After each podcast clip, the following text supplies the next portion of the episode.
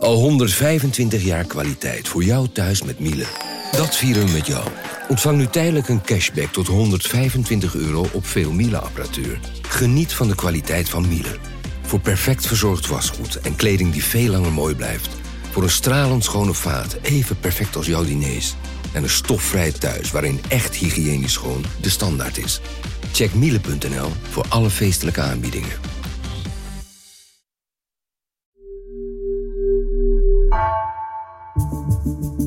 Vanaf de redactie van NRC het verhaal van vandaag. Mijn naam is Egbert Kalsen.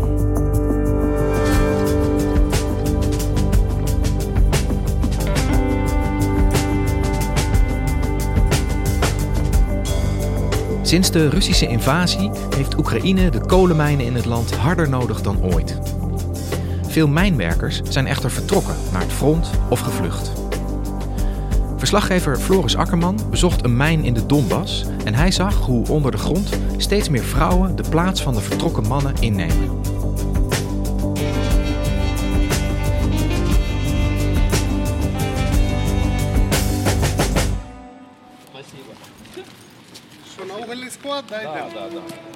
Ergens in de Donbass, op 60 kilometer van het front, ligt een grote steenkolenmijn. In deze mijn en überhaupt in de steenkoolmijnindustrie in Oekraïne, ja, er wordt dag en nacht gewerkt om Oekraïne van uh, steenkolen waaruit energie kan worden opgewekt uh, te voorzien. En als je daar aankomt, je ziet het hoofdgebouw, het kantoor. En daarachter het kantoor gebeurt het eigenlijk. Daar zie je karretjes over rails rondrijden. Daar zie je steenkool dat vanuit de mijn komt uitgespuugd worden en op een grote steenkoolberg als een piramide uh, daar worden verzameld. Daar zie je de mijnwerkers naar beneden afdalen en met de mijnwerkerspakken zie je daar rondlopen. Samen met mijn fotograaf mocht ik een dag mee de mijn in. Voordat je de mijn in gaat, wordt je bloeddruk gemeten. Het wordt eigenlijk in mijn geval, als je de mijn bezoekt, werk getransformeerd tot een mijnwerker. Nou mannen, alles uh, ziet er goed uit. Ik kreeg een wit, witte broek aan, een wit shirt overheen. Vervolgens nog een uniform overal uh, moest ik aantrekken. Uh, schone sokken of dikke sokken. Laarzen, nieuwe laarzen, spiksplinter nieuwe laarzen. Een mijnwerkershelm kreeg ik op. En een lampje natuurlijk erbij. en een zuurstoffles voor noodgevallen. En nadat ik die kleding heb aangetrokken, loop je door en stap je vervolgens de lift in. Een beetje met een schokkig begin. De 320 meter af onder de grond. En die lift, ja, dat moet je niet voorstellen alsof je een modern kantoorgebouw met een, een lift van een Duits merk. Je drukt op een knopje en je gaat zoef naar beneden. Nee, dat was eigenlijk een. We moesten even wachten. Het is gewoon een, een, een bak. Daar sta je met z'n twaalfen in. Open en bloot. Dus niks nog een van de deur die dicht sluit. Uh, nee, je gaat gewoon met z'n twaalfen in die bak. Ga je 320 meter uh, naar beneden. En dan hoor je al het grondwater sijpelen. En op een gegeven moment ben je na 2,5 minuut sta je op de grond. Althans ondergronds 320 meter lager. En dan kom je in een ondergrondse wereld van continue geluiden. Gepiep, gekraak, sirenes gaan af, je hoort belletjes, je hoort de lopende band uh, gaat naast je waarover de steenkool naar buiten wordt getransporteerd. Machines die graven maken herrie. Uh, je ziet die mijnwerkers met elkaar communiceren, schreeuwen, want je moet boven de herrie uitkomen. Dus het is nooit rustig, nooit stil daar. Steenkool is, is komende winter cruciaal voor de oorlog in Oekraïne. Om die winter door te komen. Maar ondertussen zie je wel dat die industrie ontzettend onder druk staat. En terwijl aan het front boven in de loopgraven dag en nacht wordt gevochten, heeft zich onder de grond een tweede front gevormd, een energiefront.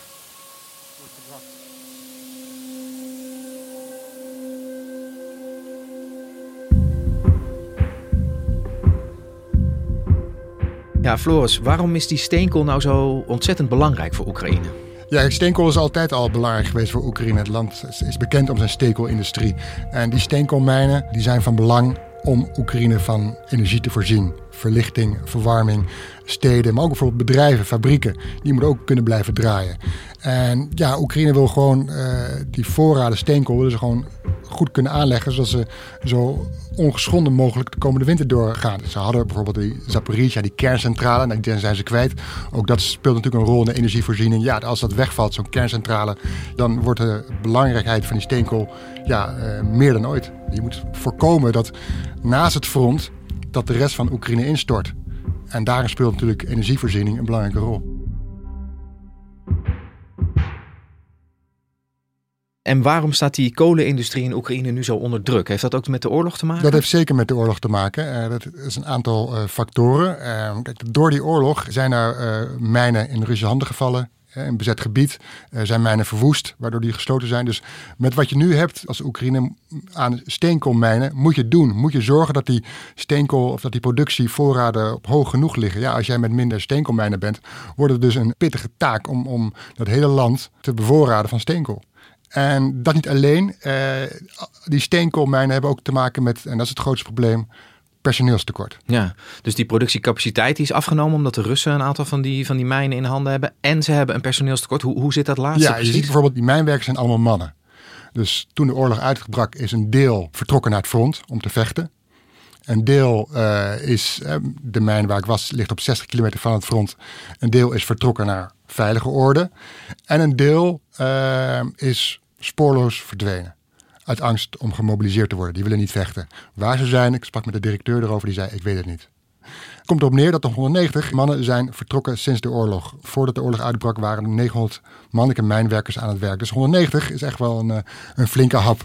En het kan nog steeds zo zijn dat ja, Oekraïne zometeen weer mannen nodig heeft aan het front. En de mannen die dus in de mijn werken uh, opgeroepen worden voor het leger. Ja, dat is uh, voor zo'n productie van zo'n mijn denk ik uh, best ingewikkeld als zoveel van je werknemers vertrekken. Hoe, hoe lossen ze dat op? Hoe zorgen ze dat die steenkoolproductie op orde blijft? Ja, dan is directeur zei ook tegen mij van ja, de mijnwerkers die het nu moeten doen, ja, die moeten anderhalf tot twee keer zo hard werken om dat productiepeil enigszins acceptabel te houden, op niveau te houden. En dus wat hebben ze gedaan om het personeelstekort aan te pakken? Hebben ze vacatures uitgeschreven en ze nemen dus ook daardoor voor het eerst vrouwen aan. En eigenlijk is het een totaal nieuwe ontwikkeling. Als je teruggaat naar de geschiedenis, eh, tijdens de Sovjet-Unie was er eigenlijk een hele eh, duidelijke man-vrouw verdeling. De mannen zaten in de economie, zaten in de, in, eh, de, de bedrijven, runnen de politiek. En de vrouwen eigenlijk die deden het huishouden, zorgden voor de kinderen. Tot in de jaren tien uh, mochten vrouwen totaal geen fysiek werk doen. En daarna is er een wet in het leven geroepen dat vrouwen dat wel mochten doen. En uh, in de mijnen zag je alsnog tot de oorlog eigenlijk ondergronds geen uh, vrouwen werken. Maar nu zie je dus uh, in mijn mijn dat vrouwen daar nu aan de slag gaan onder de grond. En heb jij bij jouw bezoek aan die steenkolenmijn ook, ook vrouwen gesproken die daar werken? Hoe, hoe is ja, dat voor hen? Ja, een van de vrouwen die ik sprak was Oksana. 26 jaar. Все время шахта рядом, родственники в шахте работали, и отец, и братья. Все время это все рядом как-то. Ze is maatschappelijk werkster en ze kon eigenlijk in Oost-Oekraïne geen werk meer vinden. En ze zei ook van ja, je moet voor jezelf zorgen. Je moet geld verdienen. Want hoe ziet haar werk eruit? Wat doet zij op zo'n dag? Ja, die, die, vrouwen die dus nu in die steenkoolmijn uh, aan het werk zijn, die doen niet het, het fysieke werk. Uh, die zitten niet die, mijn, of die steenkoolmijn zelf uh, uit te graven of die machines uh, daar diep onder de grond te bedienen.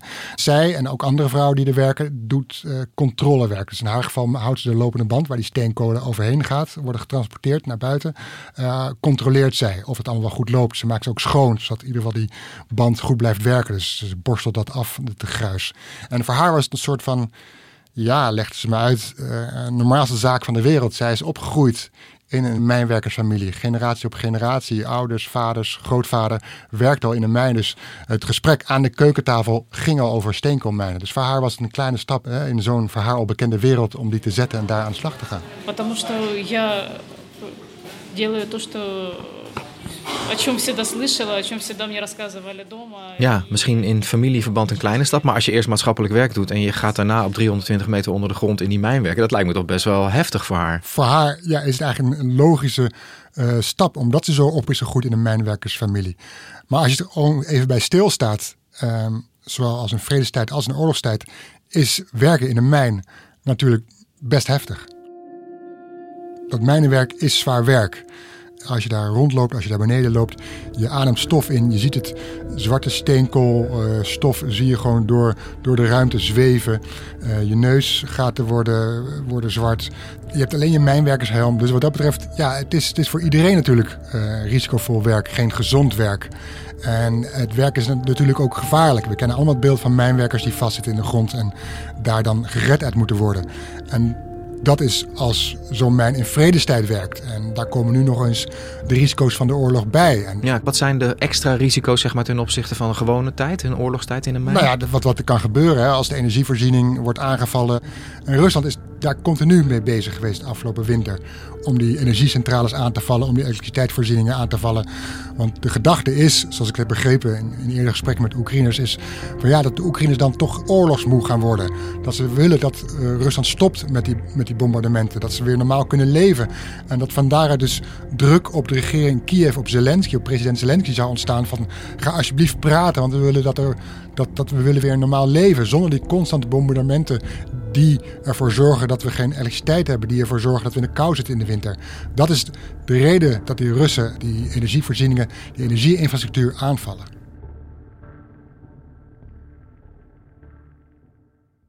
En ja, als de stroom uitvalt, heeft het natuurlijk ook gevolgen voor, voor een steenkoolmijn van Oksana.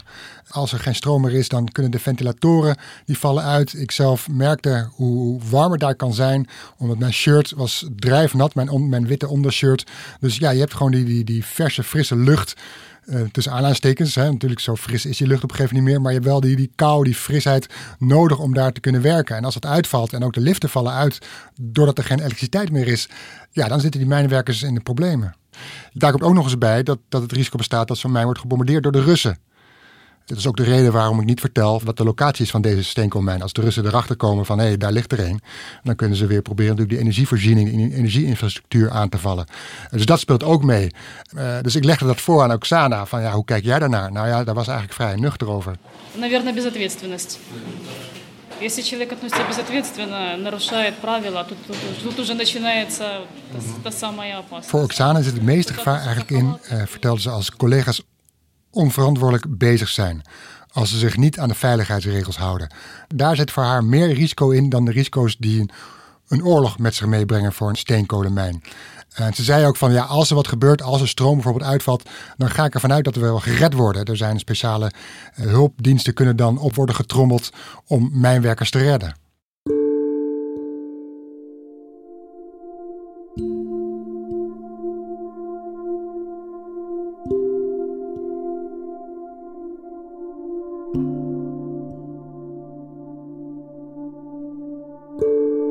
Ja, Floris, de mannen en de vrouwen samen, die, uh, ja, die staan eigenlijk aan dat energiefront, hè, zoals jij dat zo mooi zei. Dus die proberen te zorgen dat er voldoende energie voor, uh, voor de Oekraïners is, ook met het oog op de komende winter. Mm -hmm. um, weet jij hoe ze ervoor staan?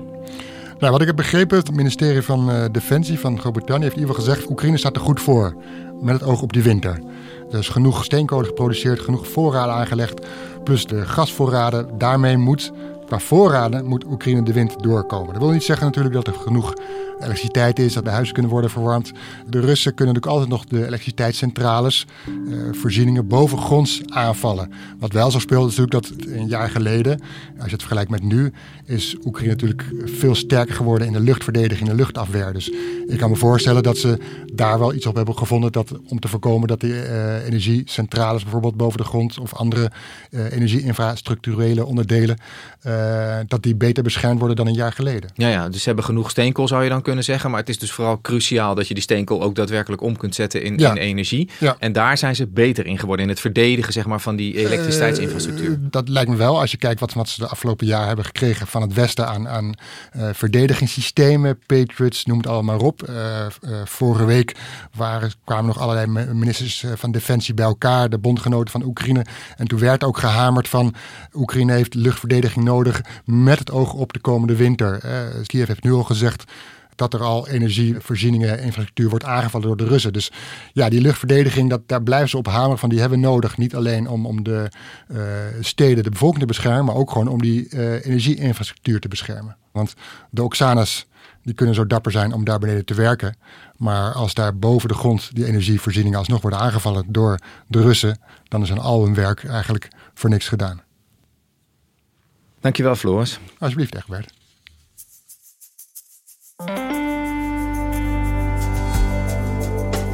Je luisterde naar vandaag, een podcast van NRC. Eén verhaal, elke dag. Deze aflevering werd gemaakt door Mila Marie Bleeksma en Jan-Paul de Bond.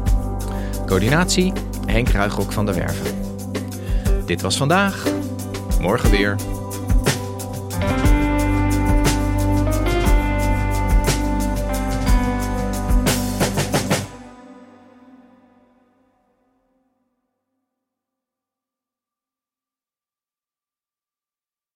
Technologie lijkt tegenwoordig het antwoord op iedere uitdaging. Bij PwC zien we dit anders. Als we de potentie van technologie willen benutten, kunnen we niet zonder een menselijk perspectief. Human-led, tech-powered noemen we dat. Ga naar pwc.nl.